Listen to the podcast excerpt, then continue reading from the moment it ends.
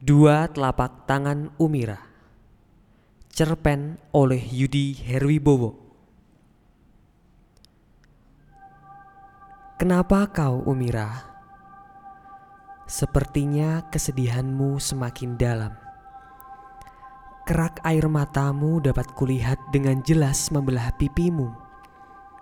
Kau sama sekali tak mendengar kata-kataku untuk menghiburmu. Kau hanya diam dan tak bereaksi apa-apa. Ini benar-benar membuatku hancur. Kupikir waktu akan menyembuhkan semuanya. Bukankah kau sudah menyadarinya sejak usiamu lima tahun? Hingga sekarang saat usiamu 17 tahun, seharusnya kau tahu kalau ini semua sudah memang yang digariskan Tuhan padamu. Umira kesayanganku, aku sebenarnya bisa memahamimu bila kau bersedih. Sejak kau bayi, aku tahu ada sesuatu yang berbeda denganmu. Tanganmu, dua telapak tangan mungilmu, entah kenapa selalu menghantarkan hawa panas yang tak semestinya. Awalnya aku berpikir ini sesuatu yang wajar tapi semakin kau besar, hawa panas itu semakin terasa. Telapak tanganmu pun menjadi lebih gelap dari yang seharusnya. Amira, mamamulah yang pertama kali merasakan keanehan itu. Namun ia hanya bisa berbisik pelan kepadaku. Tangannya seperti ingin membakar apa pun yang disentuhnya.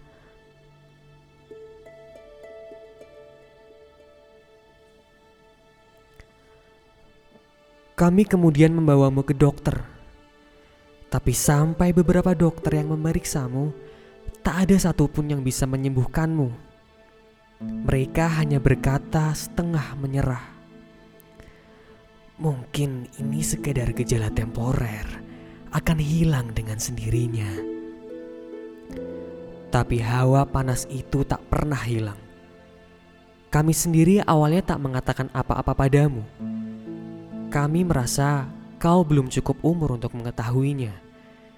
Tapi saat umurmu enam tahun, aku melihat kau mulai merasa keheranan saat kupu-kupu yang ada di tanganmu hancur sayapnya dan jatuh begitu saja menggelepar-gelepar di tanah. Kau memandangku tak mengerti. Papa, kenapa kupu-kupu ini mati? Aku hanya bisa menjawab dengan kebingunganku sendiri. Mungkin ia memang sedikit sakit, sayang. Aku hanya bisa menjawab dengan kebingunganku sendiri. Mungkin ia memang sedang sakit, sayang. Aku tahu sejak itu kau mulai menyadari ada sesuatu yang aneh di kedua tanganmu.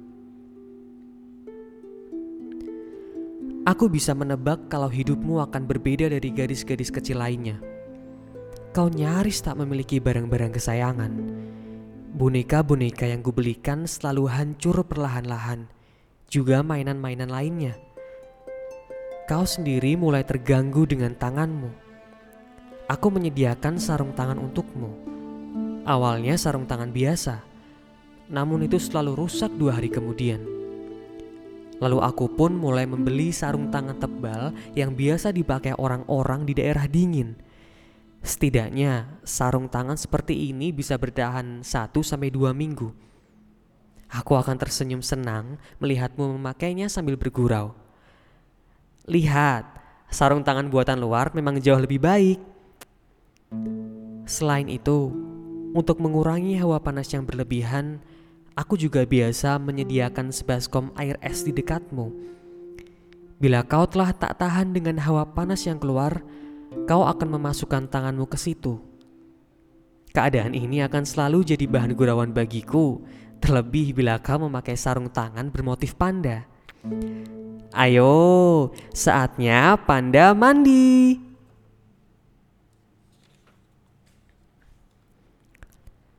Awalnya kau terlihat gembira. Tawamu masih terdengar mengemaskan. Kau sering menambahinya dengan pertanyaan macam-macam. Kenapa aku harus melakukan ini tapi Niken dan Auri tidak? Dan aku selalu berhasil mencari jawaban untuk menyenangkanmu. Tapi itu tak lama. Hanya setahun berselang, kau sepertinya mulai sadar kalau kau memang berbeda dari yang lainnya. Sejak itu, kau tak bertanya-tanya lagi. Aku bahkan melihatmu enggan menyentuh apa-apa, bahkan menyentuh diriku. Kau akan lebih banyak berdiam diri di kamarmu, memandang jendela yang menghantarkan pemandangan indah di kejauhan. Saat kau berumur 13 tahun, aku pernah mengajakmu menonton film Frozen. Film kartun ini begitu heboh Hampir semua kawan-kawan di kantorku menceritakan kalau anak-anak mereka sudah menonton dan menggilainya begitu rupa. Seharusnya ada Amira bersama kita. Tapi sudah sejak lima tahun yang lalu, mamamu telah pergi meninggalkan kita. Jadi hari itu, hanya ada aku yang duduk di sebelahmu menyaksikan layar lebar di depan sana sambil minum soft drink dan makan popcorn – Sebelumnya aku tak terlalu tahu cerita film ini. Tapi saat film berlangsung, perasaanku tiba-tiba terasa begitu bergejolak. Dua kakak beradik yang menjadi tokoh utama di film ini harus berpisah karena sang kakak memiliki kutukan di dua tangannya. Apa pun yang disentuhnya akan membeku menjadi es. Aku tiba-tiba merasa salah telah mengajak dirimu menonton film ini. Tapi aku mencoba menghibur diri saat melihat akhir film yang berakhir bahagia. Saat semua orang mulai keluar bioskop, kau tak juga beranjak. Kau membetulkan sarung tangan tebalmu sambil menunggu penonton terakhir yang keluar. Tangan Elsa tak jauh berbeda dengan tanganku, Papa, ujarnya. Aku tak langsung menjawab. Iya, tak jauh berbeda. Aku mengulanginya. Dan kau bisa lihat akhir ceritanya bukan? Semua berakhir indah pada waktunya.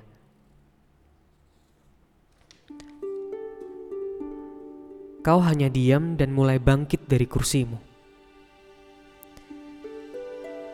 Itu hanya film, Papa. Film harus berakhir bahagia untuk menyenangkan siapa pun yang sudah membayar tiket. Apalagi ini hanya film untuk anak-anak. Sebelum ku jawab kata-katamu, kau sudah melangkah keluar. Lagian, aku tak suka film ini, Papa. Elsa terlalu berlebihan. Seharusnya ia tak begitu. Yang dilakukan kedua tangannya hanya membekukan segala hal.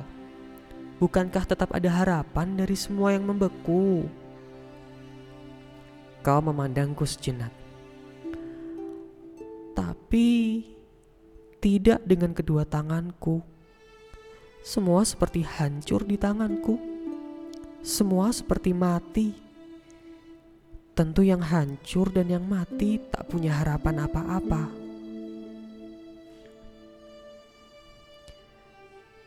Kesedihan memang telah bersemayam di rumah kami yang kecil. Tak pernah lagi ada tawa, tak pernah ada kegembiraan. Sampai bertahun-tahun aku masih mengupayakan kegembiraan. Aku banyak menyetel film-film komedi dan mengajakmu menonton bersama. Nanti aku akan tertawa keras-keras di scene-scene yang lucu. Tapi kau tak terlalu bereaksi. Lama-lama film pun terasa hambar. Bahkan kawan-kawan kantor yang selalu gembira di kantor seperti mati gaya bila berada di rumah ini. Banyolan mereka lenyap, tawa mereka pun hilang. Hampir empat tahun lewat, aku seperti nyaris menyerah. Kau seperti mendapatkan duniamu sendiri. Kamarmu yang selalu tertutup, musik yang kau setel pelan-pelan. Hanya sesekali kau keluar dari kamarmu untuk ke halaman belakang untuk sekedar mencari sesuatu yang lain. Sedikit Aku bersyukur memiliki halaman belakang rumah yang luas. Halaman yang sebenarnya kurencanakan untuk kubangun saat kau semakin besar. Dari arah jendela kamarku, aku pernah melihatmu menolong anak burung yang terjatuh dari pohon. Aku tahu kau tentu ingin segera menolong burung itu, mengembalikan ke sarangnya. Tapi yang terjadi hanya beberapa saat di tanganmu, burung kecil itu mati. Sayap-sayapnya seperti terbakar.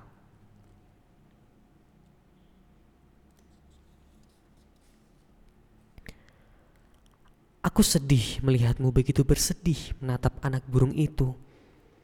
Maka aku segera keluar untuk memeluk pundakmu.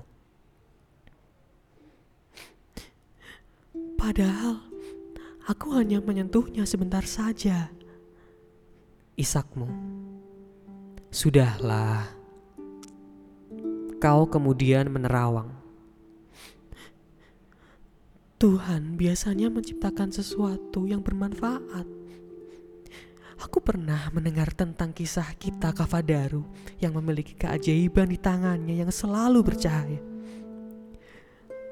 Tangan itu dapat menyembuhkan penyakit-penyakit yang diderita manusia hanya dengan menyentuhnya. Tapi kenapa kedua tanganku begitu berbeda? Aku hanya bisa memeluknya erat-erat. Tapi seperti biasa kau akan melepaskannya. Kali ini dengan sinar mata yang tak bisa kutebak. Seakan ada sebuah pikiran yang tiba-tiba mengganggu dirimu Papa,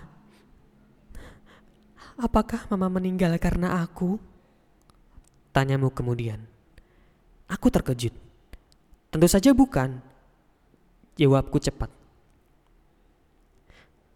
Sejak aku kecil, mama yang selalu memelukku. Dan papa tahu bukan apa yang terjadi dengan semua hal yang selalu kupeluk.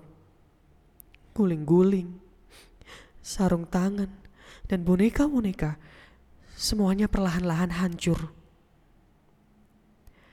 Aku tercekat dengan apa yang dipikirkannya. Papa, tak usah menyembunyikannya lagi. Aku tentu tak menyembunyikannya. Mamamu memang pergi karena sakit. Dan kau tak berkata-kata lagi. Tapi aku tahu pikirannya menjadi begitu bergejolak. Kini kau bukan lagi gadis kecil seperti dulu. Kau telah berusia 17 tahun dan bisa menyimpulkan segalanya sendiri. Selang beberapa hari dari hari itu, kutemui kau tengah mencoba memotong tanganmu dengan pisau dapur. Teriakan pendekmu membuatku tahu ada sesuatu di dalam kamarmu. Maka aku pun segera mendobrak pintu. Aku berteriak sambil mengikat tanganmu agar darah tak terus keluar. Anak bodoh, apa yang kau lakukan?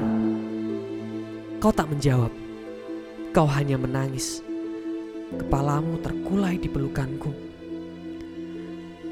Kalau kau begini, papa juga akan hancur. Kau terisak pendek. Maafkan aku, papa. Aku segera menggendongmu keluar Kududukan dirimu dalam kursi mobil, lalu kunyalakan mobil secepat yang ku bisa. Sambil menyetir mobil, kepanikan belum juga hilang dari diriku. Jangan lakukan itu lagi. Berjanjilah padaku. Kau tak berkata apa-apa. Kau dapat selamat hari itu. Tapi tak bisa aku pungkiri, semua menjadi semakin buruk. Ruangan kamarmu pelan-pelan hancur. Dipan, kursi dan meja belajar perlahan seperti lapuk dan patah. Dinding menghitam seakan ada bara api yang terus menyala. Dan dua AC yang ada di kamarmu kembali tak bisa lagi mengeluarkan hawa dingin. Kecemasanku memuncak. Hari saat kau akan memotong tanganmu adalah hari yang paling menakutkan bagiku. Sejak itu aku mengambil kunci kamarmu dan tidur di ruang tengah agar sewaktu-waktu dapat tahu apa yang terjadi di kamarmu. aku terus mencoba tak menyerah. Aku tak ingin kalah. Tapi kesedihan ini benar-benar telah meruntuhkan sebuah bentuk kegembiraan yang tersisa. Papa, semua semakin mengerikan. Ujarmu yang terbaring. Aku diam, mencoba memegang tanganmu yang memakai sarung tangan tebal tapi kau menepisnya perlahan. Apa papa pernah membayangkan apa yang kurasa di tubuhku? Aku terdiam. Itu pertanyaan yang dulu kerap kutanyakan padamu. Dan kau selalu menjawab, tak ada apa-apa di tubuhku. Kini kau malah balik menanyakannya padaku. Apakah kau juga merasakan rasa sakit? Tanyaku. Kali ini kau mengangguk. Sungguh, aku ingin menangis melihat anggukanmu. Semua tak akan menjadi baik, Papa. Selalu akan ada jalan, sayang. Sampai kapan, Papa? sampai semua hancur, termasuk Papa. Aku tak bisa berkata apa-apa. Ingin sebenarnya aku katakan, tak mengapa semua hancur termasuk diriku, asal kau dapat sembuh dari sakitmu. Tapi kupikir jawaban itu tak tepat kulontarkan kali ini. Malam ini Malam seperti bergerak lebih pelan. Kesunyian seperti ada di titik paling sempurna, sesempurna penderitaan yang bisa diberikan Tuhan. Aku hanya berharap semua bergerak seperti biasa, tapi esok paginya aku menemukan kau masih terlelap di pembaringanmu. Matamu terpejam dengan senyuman yang membuatku senang. Sayang, Aku menyentuhnya, tapi tak ada jawaban. Hanya selimut yang kusentuh tadi tiba-tiba terjatuh di lantai seiring dua sarung tangan yang biasa kau pakai. Aku tercekat. Tubuhku gemetar saat melihat kedua tanganmu ada di dadamu. Aku terpuruk dalam tangisanku.